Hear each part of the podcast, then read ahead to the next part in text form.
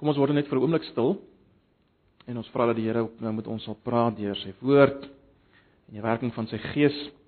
Ons gaan vanoggend voort met Joshua, maar ek glo dat uh, hierdie gedeelte eintlik baie mooi inpas by die nagmaal. Ehm um, wil nie sê dit is toevallig nie, maar dit is so uitgewerk. Maar kom ons vra dat die Here met ons sal praat. Ja Here, baie dankie dat ons nou kan besig wees met u woord. Ons besig is om te werk deur hierdie Ou Testamentiese boek wat nie altyd so maklik is nie. Wil ons vra dat U ook vanoggend vir ons sal help om die relevantie daarvan vir ons te sien, om ons weer eens net te dryf na U self, Here Jesus. En soos ons reeds gevra het, wil ons ook vra dat U boonbehalwe U woord ook die tekens vir ons sal gebruik om ons geloof te versterk, om ons op ons knieë te bring, by U te bring om ons aan te spoor, aan te vuur, te lanceer tot diens in die koninkryk. Here, ons is totaal en al afhanklik van U vir vanoggend. Wil U met ons praat? Wil U met ons werk? En wil U my maar net gebruik as 'n spreekbuis? Asseblief, ons vra dit in Jesus se naam. Amen.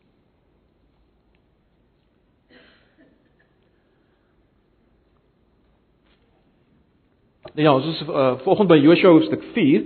Uh verlede Sondag was ek nou nie gewees nie. Uh twee Sondae gelede het ons uh, uh na Joshua 3 gekyk. Volgens Joshua 4 en ons gaan uh, kom ons lees maar daai 24 verse saam. Ehm uh, volgens in jou Bybel, ek sal dit ook op die op die PowerPoint sit, so julle kan dit ook daar volg. Dit is daarmee te klein. Ek lees die 53 vertaling. Nadat die hele nasie deur die Jordaan is, het die Here vir Josua gesê: "Neem nou 12 man uit die volk, een uit elke stam en sê vir hulle: Vat hier uit die Jordaan op die plek waar julle priesters gestaan het, 12 klippe en neem hulle saam met julle deur en sit hulle neer op die plek waar julle vannag oorbly." Josua roep toe die 12 man wat hy die Israeliete aangewys het, een uit elke stam. En hy sê vir hulle: "Gaan by die ark van die Here, julle God verby tot in die middel van die Jordaan en tel elkeen 'n klip op die skouer in ooreenstemming met die getal van die Israeliete." Dit moet onder julle as 'n teken dien. Wanneer julle kinders eendag vra, "Wat beteken hierdie klippe vir u?" Moet julle vir hulle sê, "Die Jordaanse water is vir die verbondsark van die Here afgesny toe die ark deur die Jordaan moes gaan. Is die rivier se water afgesny. Daarom is hierdie klippe vir die Israeliete 'n blywende herinnering daaraan." Die Israeliete het gemaak soos Josua gesê het, hulle het die 12 klippe in ooreenstemming met die getal stamme van Israel gevat, soos die Here vir Josua gesê het. Dit moet hulle saamgeneem of saam deurgeneem na die plek toe waar hulle sou oornag en dit daar neergesit. Joshua het ook 12 klippe binne in die Jordaan opgerig op die plek waar die priesters gestaan het waar die verbondsark gedra het. Die klippe is vandag nog daar. Die priesters wat die verbondsark gedra het, het in die Jordaan bly staan tot alles afgehandel was wat die Here vir Joshua opgedra het om vir die volk te sê in ooreenstemming met alles wat Moses vir Joshua beveel het. Die volk was haastig om deur te gaan. Toe die volk klaar deur is, het die ark van die Here deurgegaan. Die priesters was voor die volk. Die stamme Ruben, Gad en die halwe Manasse stam het soos Moses hulle beveel het, informasie voor Israel uh voor die Israeliete getrek. Omtrent 40000 gewapende manne het vir die oorlog die rivier deurgegaan voor die ark van die Here uit na die Jerigo vlakte toe. Die Here het daardie dag aan Joshua hoë aansien gegee in die oë van die hele Israel. Hulle het sy lewe lank aan hom eerbied betoon soos aan Moses. Die Here het vir Joshua gesê: "Sê vir die is uh, sê vir die priesters wat die ark met die getuienis dra, hulle moet uit die Jordaan kom." Joshua het die priesters beveel om uit die Jordaan te kom. En toe die priesters wat die verbondsark van die Here dra uit die Jordaan kom en hulle voetsole die grond aan die kant raak, het die rivier se waters weer op hulle ou plek begin loop soos tevore het hy weer al sy oewers oorstroom. Die volk het op die 10de dag van die eerste maand uit die Jordaan gekom en kamp opgeslaan in Gilgal oos van Jerigo. Joshua het die 12 klippe wat hulle uit die Jordaan saamgebring het in Gilgal opgestel en vir die Israeliete gesê: "As julle kinders eendag hulle paas vra wat beteken daardie klippe, moet julle die kinders inlig en sê: Israel het op droë grond deur hierdie Jordaanrivier gegaan.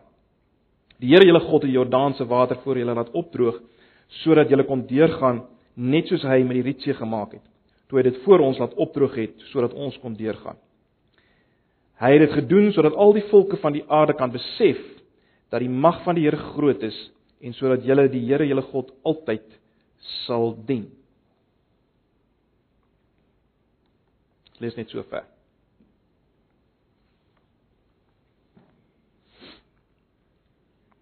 Nou, ek dink ons almal ken padtekens en gedenktekens.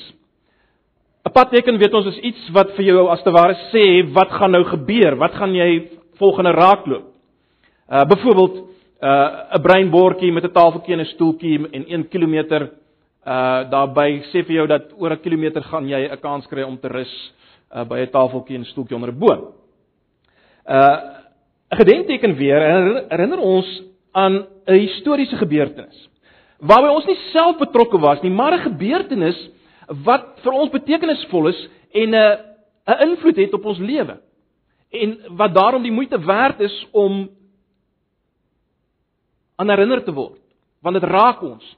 'n 'n goeie voorbeeld in ons eie geskiedenis is natuurlik die die Voortrekker Monument wat so 'n uh, gedenkteken of monument is. Nou, in die gedeelte wat ons gelees het, is daar sprake van 'n gedenkteken, soos julle sou sien. 'n Gedenkteken wat geweldig betekenisvol was uh vir die Israeliete dwars deur hulle lewe en ek ek hoop ons gaan sien dat dit ook uiteindelik vir ons betekenis het.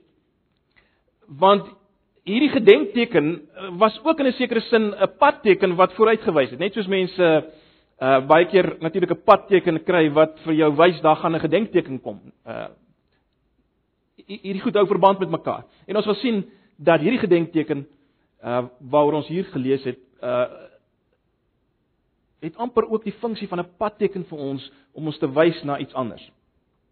Voor ons spesifiek insak op hierdie gedeelte, kom ek herinner julle net aan dit wat ons gesien het in hoofstuk 3. Ons het gesien hoe die volk uh, gereed gemaak het om uiteindelik die land in te gaan wat God beloof het. En ons gesien hulle gaan die land in deur die Jordaan terwyl hy in vloed was, let wel. Gaan hulle deur die Jordaan. En baie belangrik, ons het gesien dat voor die voor die volk het die ark beweeg wat die simbool was van die feit dat God teenwoordig is by hulle. Uh, dis hoekom daar 'n gewellige afstand moes wees tussen hulle en die ark want want God is heilig.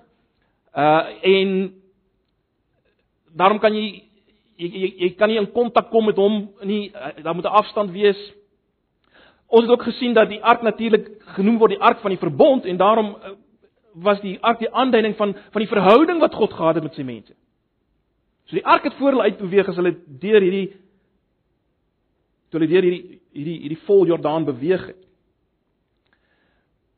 Belangrik ook, ons het gesien hoe die volk hulle self toegewy het voor hulle deur die Jordaan beweeg. Dit hulle self toegewy, geheilig aan die Here. Want daardeur het hulle as te ware gesê anders as die nasies rondom ons is ons u volk. U is ons God.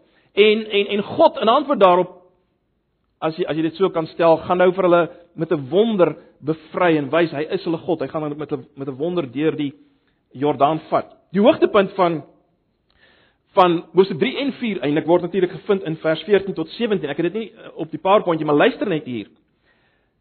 Belangrik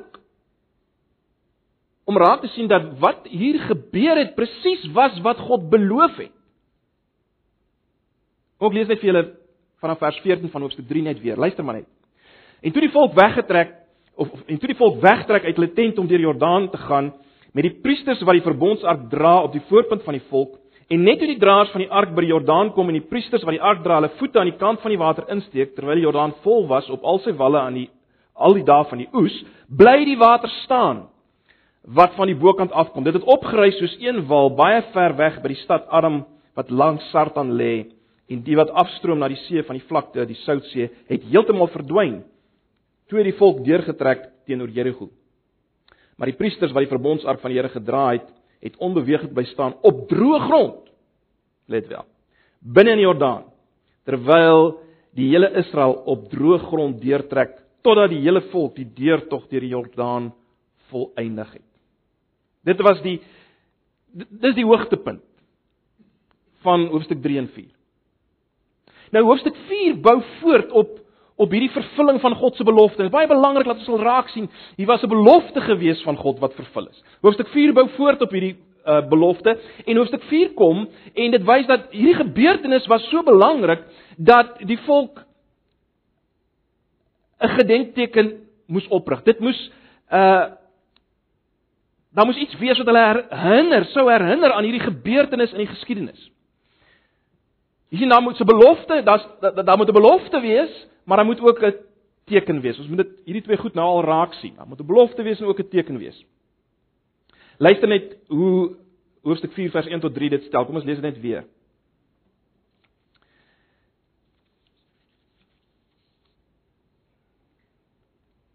En toe die hele volk, ekskuus, ek, ek dink ek het net nou vir julle gesê ons lees die 53. Ek dink ons het die 83 gelees, ekskuus tog, hoor.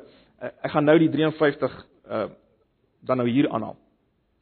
Hoofstuk 4 vers 1 tot 3 lees so: En toe die hele volk die deurtog deur die Jordaan volëindig het, het die Here met Moses gespreek en gesê: Vers 2: Neem vir julle uit die volk 12 manne uit elke stam een uh uit elke stam een man en gee hulle bevel en sê neem vir julle van daar uit die middel van die Jordaan van die plek waar die voete van die priesters vas bly staan het 12 klippe en bring dit saam met julle deur en sit dit neer op die staanplek waar julle vannag gaan oorbly.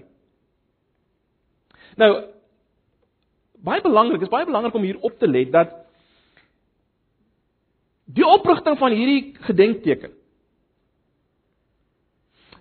was nie iets wat uit die volk uitself na vore gekom het nie. Met ander woorde, hulle het nie besluit ons moet iets doen om onsself te herinner aan wat God gedoen het. Kom ons rig 'n gedenkteken op nie. Nee, die inisiatief was van God se kant. Hy het gesê ons uh, dan moet 'n gedenkteken opgerig word. So dit is baie belangrik. Dis die eerste ding wat wat ons moet raak sien. Dis iets waartoe hulle opgeroep is deur Jahwe, die Here, deur middel van die bemiddeling en die bevel van Joshua. So dis dis hierdie twee partye as jy wil. Dis die opdrag van die Here en deur middel van Joshua. Die bevel van Joshua word uitgevoer. Daar's baie spesifieke instruksies in die eerste plek van die Here, né? Nee. Uh die manne wat hierdie monument sal bou, is een uit elke van die 12 stamme van Israel. Hulle moes die 12 klippe neem van uit die plek uit die rivier waar die priesters op droë grond gestaan het. Dis waar hulle die klippe moes uitneem en dan moes hulle dit vat spesifiek na die plek waar die ark hulle sou lê waar hulle sou oornag en ons weet uh uit die gedeelte verder, dit was Gilgal. Maar dit was spesifiek die instruksies van die Here. Maar baie belangrik, uh ek het gesê dis hierdie instruksies is deur die bemiddeling van Joshua gegee en dis wat ons dan nou sien in vers 4 en 5. Toe het Joshua die 12 man geroep wat uit die kinders van Israel uit elke stam een man aangestel het. En Joshua het vir hulle gesê: "Trek uit voor die ark van die Here, julle God, tot binne in die Jordaan en tel vir hulle klip op elke man een op sy skouer volgens die getal van die stamme van die kinders van Israel. So die Here het spesifiek dit gesê. Joshua dra dit oor. Hy is die bemiddelaar. Baie belangrik.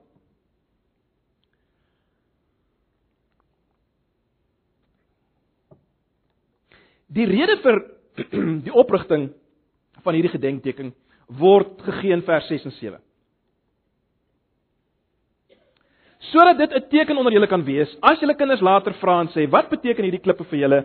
moet julle vir hulle sê, "Omdat die water van die Jordaan afgekeer is vir die verbondsark van die Here by sy deurtog deur die Jordaan, die water van die Jordaan is afgekeer. Daarom is hierdie klippe as 'n aandenking vir die kinders van Israel vir altyd."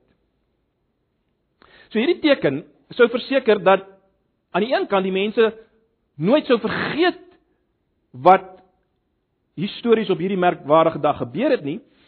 Maar dit sou hulle ook herinner aan die feit dat God hou sy verbondsbeloftes. Hulle sou as te ware weet, kyk, omdat ons 'n swak en sondige volk is, wat altyd as te ware teruggetrek word na die sonde, benodig ons dit. Ons benodig voortdurend herinnering aan alles wat God vir ons gedoen het. Ons het dit nodig soos ek en jy dit nodig het, nie waar nie? Steeds nodig. En ons gaan vanoggend sien hoe die Here dit vir ons gee.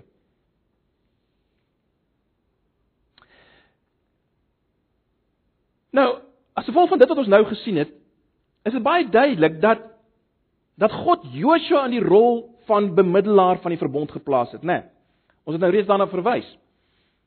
Maar dit is belangrik om te sien dat net soos God met Moses gepraat het, sal God nou met Joshua praat. Dis belangrik om dit raak te sien.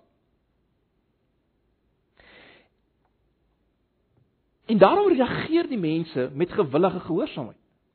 Ons sien dit in vers 8, né? Nee. Die kinders van Israel het toe gedoen, toe so gedoen soos Josua beveel het. Let wel, soos Josua beveel het. Hulle 12 klippe in die middel van die Jordaan opgetel, soos die Here met Josua gespreek. En volgens die getal van die stamme van die uh, kinders van Israel het hulle dit saam met hulle deurgebring na die staanplek toe en dit daar neergesit. So die volk omdat hulle bewus was dat Joshua die rol oorgeneem van Moses, is daar gehoorsaamheid, gewillige gehoorsaamheid. Nou tragies natuurlik, weet ons later uit die geskiedenis, uh was daar ongehoorsaamheid en dit het die finale Joshua gekos of die laaste finale Israel, Jesus om 'n uh, uiteindelik 'n geregtigheid te verwerf vir hierdie volk en vir my en jou. Maar op hierdie stadium is die volk gehoorsaam uh aan die bevele van Joshua. Nou dit bring ons by vers 9 wat 'n bietjie vreemd is. Uh ons lees in vers 9 Joshua het ook 12 klippe opgerig in die middel van die Jordaan op die plek waar die voete van die priesters en die draers van die verbondsark gestaan het en dit is daar tot vandag toe. Nou dis nie so heeltemal duidelik nie. Uh die vers beteken of dat hulle letterlik in die rivier waar hulle nou droog deurgetrek het 'n klomp klippe opgerig het en uh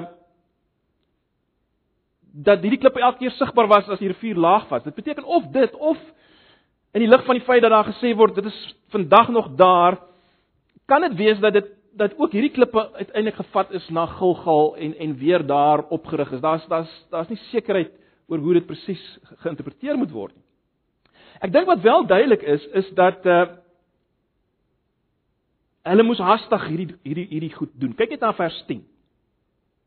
En die priesters wat die ark gedra het, het bly staan in die middel van die Jordaan totdat alles volbring was wat die Here Josua beveel het om aan die volk te sê volgens alles wat Moses Josua beveel het en die volk het gou deurgetrek. Nou gegeewe die geweldige aantal mense, diere, materiaal betrokke hier, was dit nie so eenvoudig om vinnig deur te beweeg nie. Maar nietemin het dit gebeur, presies soos Josua beveel het, is dit uitgevoer, vinnig het hulle aan die oorkant gekom. En en mense kan dit maklik mis, maar as as mens nou uiteindelik in hoofstuk 7 kom, nê, nee, dan gaan jy dan dan sien jy eksplisiet, meer eksplisiet dat wanneer die volk gehoorsaam is, dan gebeur dinge soos God gesê dit gaan gesê dit gaan gebeur. As daar ongehoorsaamheid is, dan gaan dit nie so goed nie. So ek sê in Hoofstuk 7 gaan ons baie meer eksplisiet sien. Hier sien ons iets daarvan, né? Hier sien sien ons iets daarvan. Uh as vers 11 ook uiteindelik, ek het nie vers 11 daarop uh, op die bord nie. Uh uiteindelik sê vers 11 net wat gebeur het toe Ekskuus, ek moet nie dit opsit nie. Ehm uh, hoe vers 11 is daar? En toe die hele volk die deurtog volëindig het, het die ark van die Here met die priesters voor die oë van die volk deurgegaan. Kort en kragtig. Jy sien, daar was gehoorsaamheid en dit het, het gebeur. En dit het gebeur. Nou, met almal veilig oor die rivier het die het die, die Israeliete weer mens kan amper sê hierdie kolom mense gevorm uh wat agter die verbondsark aangestap het en baie belangrik. Ons sien hier iets uh wat mense ook weer kan mis. As 'n teken van die eenheid van die volk, die feit dat die volk 'n eenheid is, en ons het ons het daaroor gepraat toe ons toe ons hoofstuk 1 gekyk het. Maar as 'n teken van die eenheid van die volk en die gehoorsaamheid van die volk aan aan God se opdragte, het gewapende manne uit Rubengat en die halwe stam van Manasse vooruitgestap. Presies soos God gesê het, uh dit moet gedoen word in hoofstuk 1. Ek gaan net nou nou weer lees in hoofstuk 1 nie. Hoofstuk 1 dan vanaf vers 12 tot 15 word presies gesê dis wat moet gebeur.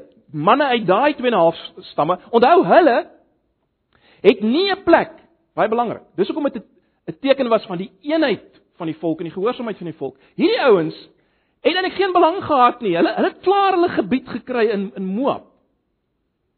Nou aan die kant van die rivier is. Hulle het geen belang gehad aan daai kant nie. Hulle sou nie daar 'n stuk grond kry soos die ander stamme nie. Maar as 'n teken van die eenheid van die volk en in opdrag in gehoorsaamheid en dit wat die Here gesê het moet gebeur, die Here het gesê hulle moet voorstap, hierdie ouens, soldate van hierdie 2 en 'n halwe stamme, word dit gedoen. So ons moet dit raak sien hier. Dis presies wat gebeur. 'n Volgende ding wat ons sien is dat Hier was 'n leer van 40000 man. Ekskuus as ek nou daarby. Hier's 'n leer van 40000 man wat uittrek na Jerigo. En baie interessant, daar word gesê hulle het voor die aangesig van die Here deurgetrek in vers 14. Wat maar net weer 'n aanduiding is dat hulle in gehoorsaamheid aan die bevel van Moses. Ag ekskuus, uh aan aan aan die bevel van die Here deur Joshua hier. In gehoorsaamheid daaraan trek hulle uit, né? Nee, voor die aangesig van die Here. Dit is baie belangrik om om dit raak te sien. 'n Vraag wat mense kan vra in hierdie gedeelte is natuurlik, hoekom val die Kanaaniete hulle nie aan nie? Hoekom het die, die Kanaaniete hulle nie dadelik aangeval nie? Ons ons ons weet die Kanaaniete het 'n gewellige reputasie gehad van hierdie goeie soldate. Hoekom het hulle nie aangeval nie? Wel, die antwoord is waarskynlik dat die Kanaaniete verras is deur die plek waar hulle oorgegaan het. Blykbaar kan 'n ou laer af nader aan die dooie see is is daar makliker plekke om oor te kom oor die rivier, maar die die Israeliete het op die diepste plek terwyl die Jordaanvloed is op die diepste plek deurgekom waar die ouens van Jerigo dit nie sou verwag nie. So dis waarskynlik waarom hulle hulle is onkant betrap. Maar ek dink tog die groter ding om raak te sien is dat uh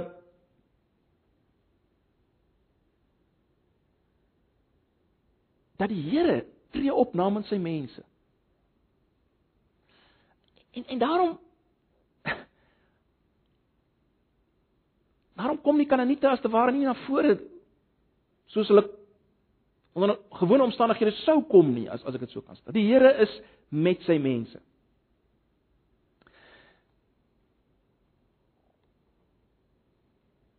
Daar's 'n belangrike punt wat gemaak word in vers 14. Kyk toe die nuus hierdie ouens bereik het in Jerigo was hulle verseker verskrik geweest. Ehm uh, om te hoor hierdie ouens is op pad, hulle is al daar by Gilgal amper, so pad na Jerigo toe. Maar die groot punt wat ons moet raak sien in vers 14 is dit. Die dag het die Here Joshua groot gemaak voor die oë van die hele Israel sodat hulle hom gevrees het soos hulle Moses gevrees het al die dae van sy lewe. Ons het nou net al daarna verwys uh na hierdie oorgang vanaf Moses na Joshua en hier sien ons dit. Weereens moet ons raak sien dis 'n waarmaak van beloftes wat God gemaak het. In Hoofstuk 3 vers 7 het God beloof hy gaan Joshua verhef.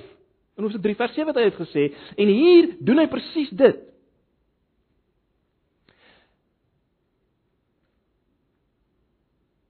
In deur middel van Joshua word die mense, hierdie massa mense so vinnig en effektief georganiseer as te ware om deur te gaan uh, gereed vir die ver, verowering.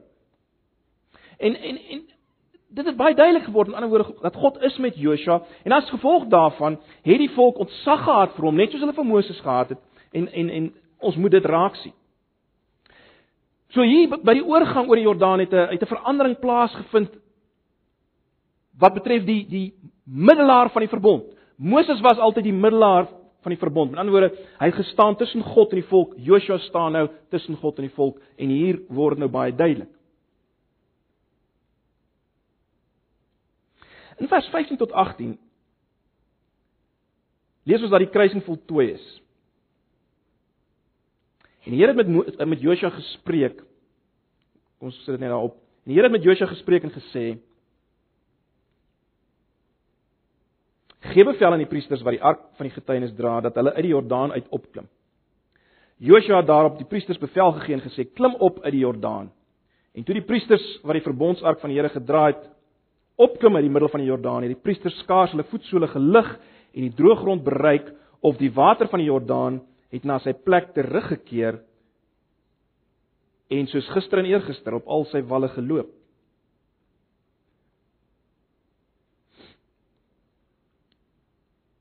Nou, daar's daar's daar's 'n paar belangrike goed wat ons hier moet oplet. Een is dat ehm um, die ark word hier genoem die ark van die getuienis. Maar is iets meer wat ons moet opmerk. Kom ons dink vir 'n oomblik hieraan. Die rivier keer weer terug na sy toestand van vloed soos dit was. Die oomblik toe almal deur is. Dink jouself in wat sou hierdie mense besef het op hierdie oomblik? Die ouens wat dit gesien het. Wel, dit sou baie duidelik gewees gewees het. God is in beheer van die magte van die natuur, nie waar nie? Ons moenie vergeet nie dat water was water was iets vreesaanjaend nie net vir die Israeliete maar vir al die volke. Vir al die volke was water iets vreesaanjaend. Onthou, ons moet nooit vergeet nie, voor die skepping was daar water oor die hele aarde. Daar was 'n toestand van chaos, as jy dit so kan stel. Dis soos dit letterlik staan, né? Nee. Dit was 'n toestand van chaos, water. En God het geskep uit hierdie toestand uit.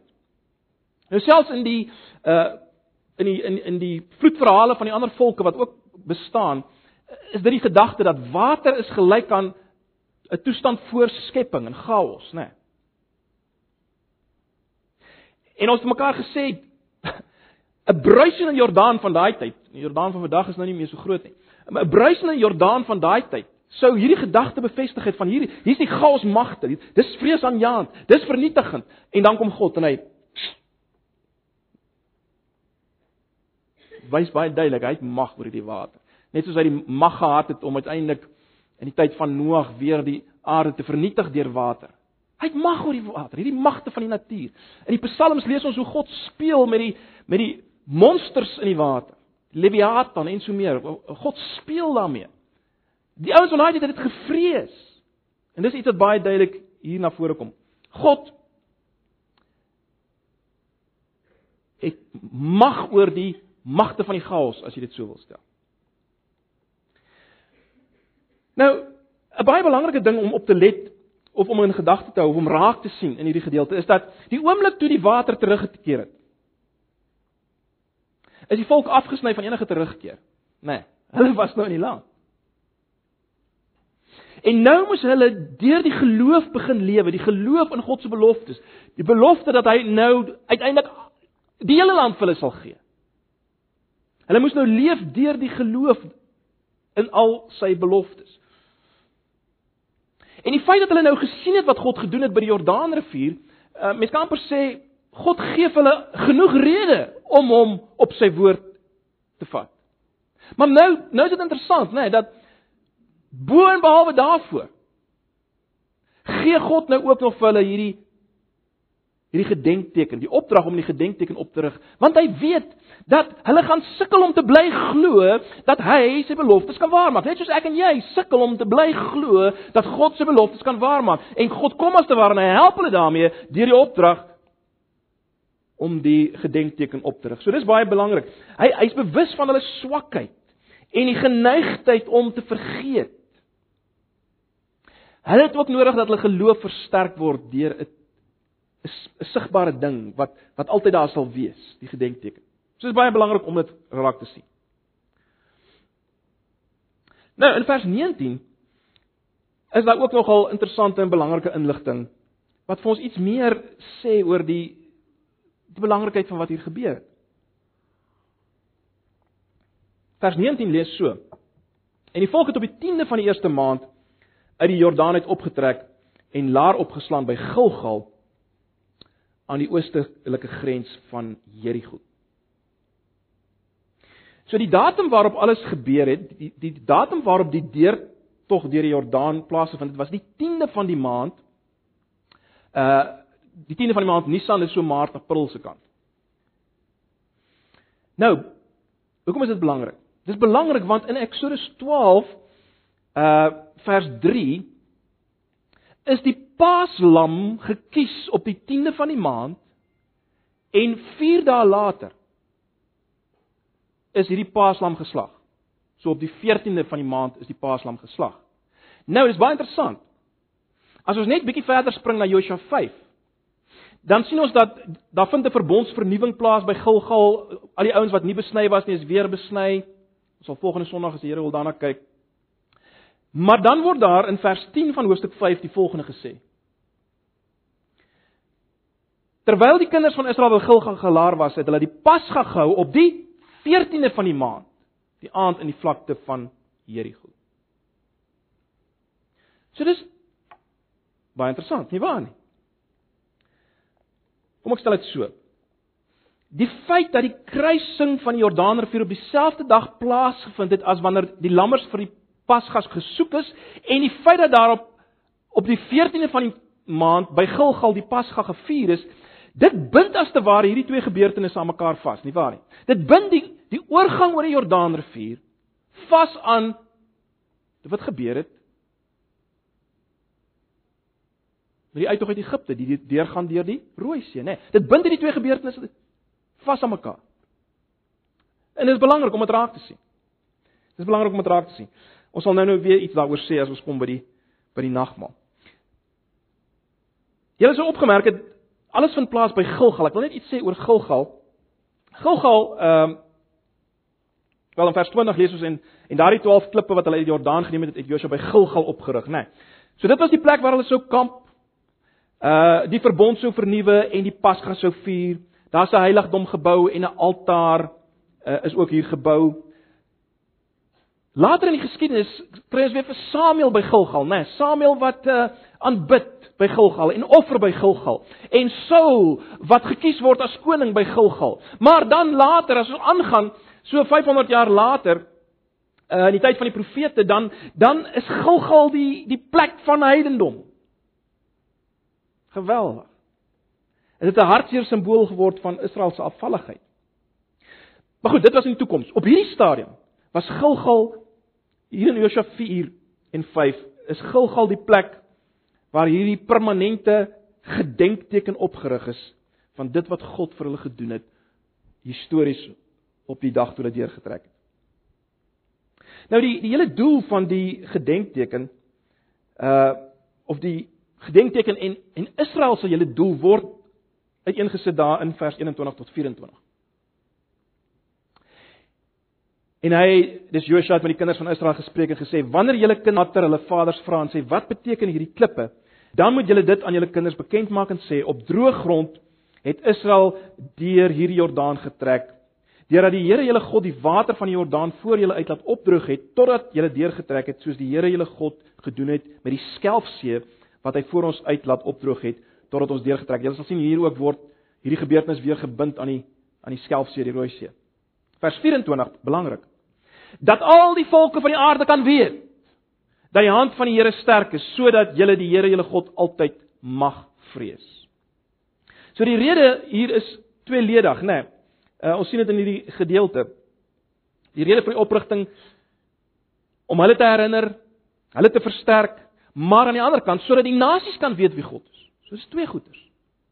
Hulle moet bemoedig word en hulle moet versterk word, maar die nasies moet ook deur dat hulle dit sien en deurdat hulle sien dat die volk hierdeur bemoedig en versterk word, moet moet die nasies weet. Jy sien God se perspektief is altyd ook die nasies. Moet die nasies weet dat Israel se God is die ware Here. En ons weet, dink maar net terug aan Ragab se woorde. Die ouens in Kanaan het het dit begin besef wie die Here is deur wat hy doen. En en dit sou nou 'n blywende teken wees daarvan. Maar goed, baie belangrik ek dink ons moet raak sien dat uh daar was nou geen verskoning meer vir die volk om nie die Here te dien nie. Hy het sy verbondsbeloftes vervul, né? Nee. Uh hulle het met hulle eie oë gesien wat die Here gedoen het. Jy kan aan nie tyd in hulle harte gevrees. Daar was geen verskoning meer om valse gode te aanbid nie.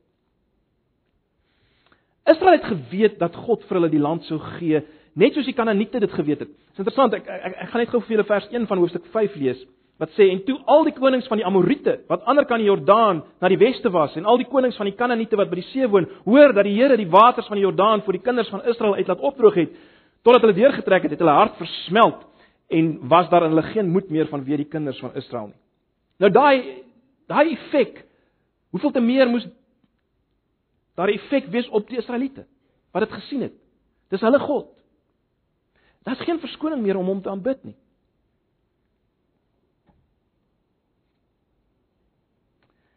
Hy het sy magtige krag openbaar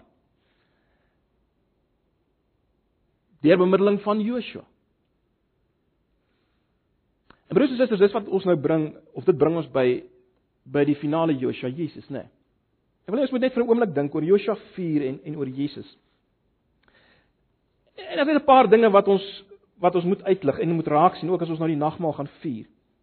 Uh ons het nou al reeds gesien, ons het nou al 'n paar keer vir mekaar gesê dat Uh as ons kom uiteindelik by die boek Hebreërs, dan word dit baie duidelik dat Jesus is die finale Joshua wat ons die finale land sal inlei. In die eerste plek is Jesus self die land as te ware. Om in Jesus te wees nou is is is soos om in die land te wees, maar daar wag ook 'n finale ingaan in die finale land, die nuwe aarde. Dit het ons reeds gesien. Twee sondae gelede het ons uh gepraat oor die oor die verbondsark. En ons gesien dat dit waarvoor die verbondsark gestaan het, naamlik die teenwoordigheid van die Here met sy mense, die heiligheid van God, sy ver, sy verhouding met mense, Dit alles kom en word eksplisiet duidelik as God in Jesus mens word. Dan sien ons dit alles. Ons sien hoe lyk dit op 'n verstaanbare manier. Volgens ons gesien dat dat God die een is wat mag het oor kom ons noem dit die chaos magte wat in die pad van sy kinders staan as ek dit so kan noem. Wat sien ons in die Nuwe Testament? Dit is baie interessant. As ons kyk na Markus 4 vers 39 tot 41, dat daar's min twyfel by my dat dat, dat die skrywer ook hierdie gebeure by die Jordaan in gedagte gehad het. Ons lees vanaf vers 39, luister maar net. En hy dis Jesus het opgestaan en die wind bestraf. Hy die wind bestraf en vir die see gesê: "Swyg, wees stil." En die wind het gaan lê en daar het 'n groot stilte gekom. Toe sê hy vir hulle: "Waarom is julle so bang? Hoe het julle geen geloof nie?" En 'n groot vrees. Luister na die woorde, né? Selfs as wat gebeur het met die Kanaaniete. En 'n groot vrees het hulle oorweldig en hulle het vir mekaar gesê: "Wie is hy tog dat selfs die wind en die see hom gehoorsaam is?"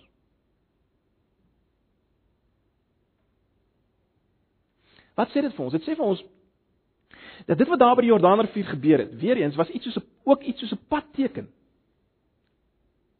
Wat vooruit gewys het na die een wat kom. En hier wat hier gebeur bevestig dat Jesus is God en Jesus het mag oor die chaosmagte.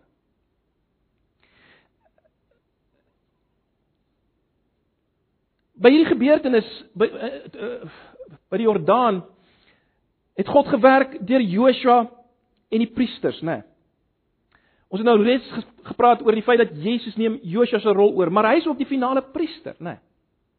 En as finale Joshua en as finale priester. Maar ten diepste as God self is hy die een wat wat mag het om uh om dit wat teen sy kinders opstaan as te ware. Onthou ons het mekaar gesê die die water en die storms en die goed is gesien as as as negatiewe magte, chaosmagte. Jesus het mag daaroor. Terloops, dis interessant en ons uh, ek het dit al genoem toe ons uh, Markus gedoen het. Die woorde wat gebruik word vir Jesus as as Jesus die die die die storm bestraf. Dis dieselfde woord as wat gebruik word as Jesus die demone bestraf. Jy sien dis dis negatiewe dinge wat teen sy mense is en hy kan dit uit die pad vee vir sy mense, vir sy kinders. Is dit nie bemoedigend nie, broers en susters? Dis wat Jesus kan doen. Dis wat hy vir ons kan doen. Maar wat ons moet raak sien is dat alles wat Jesus gedoen het, was ook tekens, né? Nee. Uh Johannes skryf 1000 jaar later in Johannes 20 vers 30 en 31 dan sê hy nog baie ander tekens het Jesus vir sy disippels gedoen wat in hierdie boek nie geskrywe is nie, maar hierdie is beskrywe dat julle kan glo dat Jesus die Christus is, die seun van God en dat julle deur te glo die lewe kan hê in sy naam. Jy sien, God tree nie op met uh kragtoertjies soos 'n soos een of ander kosmiese towerkunstenaar om ons net te beïndruk nie. Dis nie hoekom hy opgetree het by die Jordaan nie. Dis nie hoekom hy optree in Jesus nie. Waarvoor doen hy dit? Hy doen dit om geloof te versterk in die wat glo en om die wat nie glo nie geen verskoning meer te gee nie, om hulle as te ware 'n waarskuwing te gee. So dis die dis die rol van tekens. Dis die rol van van Jesus, al Jesus se wonderwerke, maar uiteindelik sy sy kruis en uiters belangrik sy opstanding. Dis die groot wonders wat God in die Nuwe Testament doen. As jy dink die Jordaanrivier wat wat opgestaan het, is iets geweldig. Wel, dit wat Jesus kom doen het, deur sy lewe, sy sterwe en sy opstanding is baie meer. Want dit kom wys dat God uiteindelik 'n volkomme verlossing bewerk het vir mense wat nie kan getrou bly aan hom nie. Vir mense wat weer afdwaal. Hy het dit gedoen in Jesus. En nou kan ons deur geloof in hom die die land ingaan. Wat soos ek gesê het, nou reeds is in Jesus en uiteindelik die nuwe aarde. Deur geloof in hom, deur dit wat God gedoen het. En hierdie tekens bevestig dit vir ons. Die tekens wat alles is, nê, nee, wat Jesus gedoen en gesê het. En dit sê vir ons ons kan God vertrou. As dit as dinge ook in ons lewens hand uitruk en skeef draai, ons het rede om God op te vertrou en in, in om ons op hom te werp want hy het homself bewys in die geskiedenis. Nie net in die Ou Testament nie, maar nog meer in die Nuwe Testament. Dis hoekom ons na hom kan gaan. Ons het rede om hom te vat op sy woord en sy beloftes. Ons het alle rede om dit te doen. Ons het geen verskoning nie.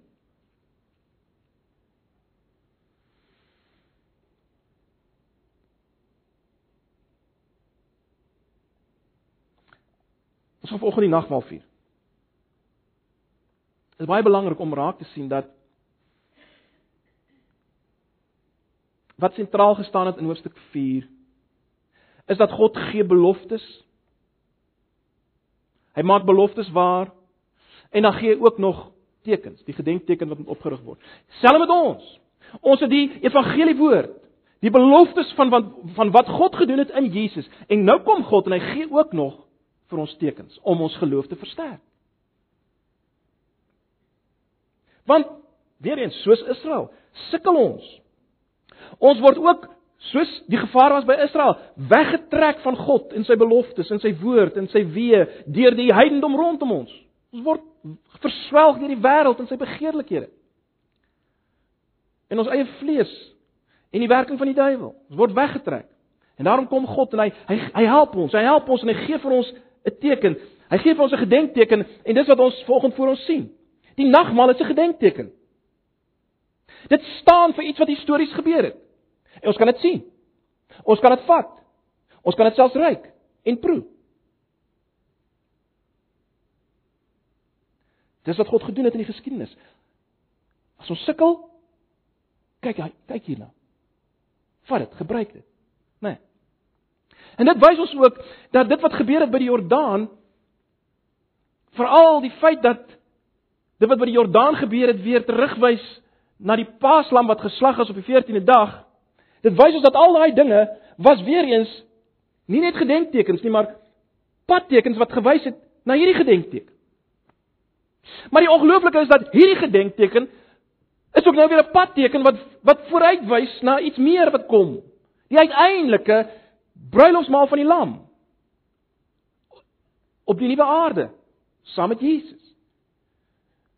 So ek hierdie hierdie gedenkteken het het 'n dubbele funksie. Dit herinner ons aan wat gebeur het, histories, waarby ons belang het. Maar dit wys ook vorentoe na wat kom. Ag broers en susters, en dis waarmee die Here ons wil versterk vir oggend.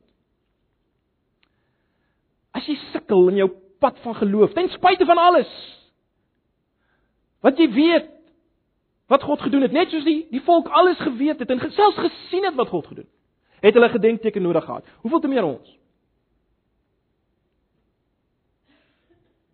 en dis wat God vir ons gee. So kom ons gebruik dit en ons laat toe dat die Here ons versterk en bemoedig deur hierdie teken. So gaan ons bid en dan gaan ek vra dat die diakens die tafels gereed maak en dan kom julle en julle hulle gebruik dit in die lig hiervan. Dink aan die historiese gebeure wat God gedoen het in Jesus. Dink daaraan. En word bemoedig daar daardeur. Beleef dit. Beleef dit. sien dit, proe dit. En Kom ons bemoedig mekaar ook deur die gebed uh, as ons dit saam gebruik. Kom ons bid saam en dan gaan ek vra dat die diakens die tafel gereed maak. Ag Here, baie dankie vir u woord. Dankie dat ons u woord het en dankie dat ons ook nou die tekens het om u woord te onderstreep. Sal u dit nou doen sal hy ons versterk en bemoedig. Ons vra dit in Jesus se naam. Amen. Die nagmaal is nie vir superchristene nie. Die nagmaal is juis vir die mense wat weet hulle is dit nie waardig nie. Om hulle geloof te versterk. Mag nou die genade van ons Here Jesus en die liefde van God en die gemeenskap van die Heilige Gees met julle wees bly in hierdie week en mag hy julle ook verder versterk deur sy woord totdat hy ons weer sal versterk ook met die tekens. Amen.